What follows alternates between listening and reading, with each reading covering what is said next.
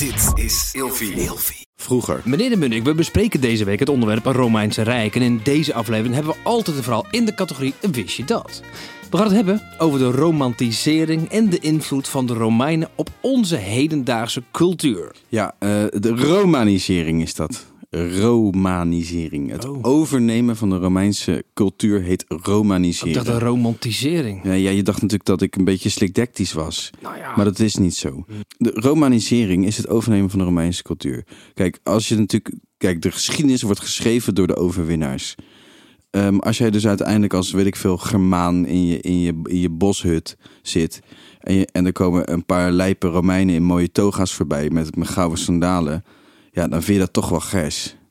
En dan wil je daar eigenlijk wel ook wel wat van hebben. Of dan wil je wel gewoon ja, in meedoen eigenlijk.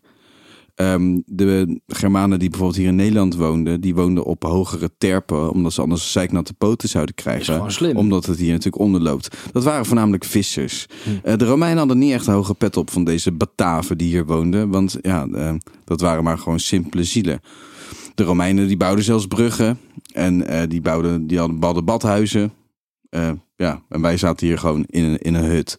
is er echt zo'n groot verschil in die tijd? Eh, ja, dat was, werd wel echt een groot verschil. Hmm. Maar uiteindelijk krijg je dus dat de kracht van het Romeinse Rijk is, of van de Romeinen, is dat ze dus de volkeren die ze overwinnen, geven ze de kans om zich aan te passen.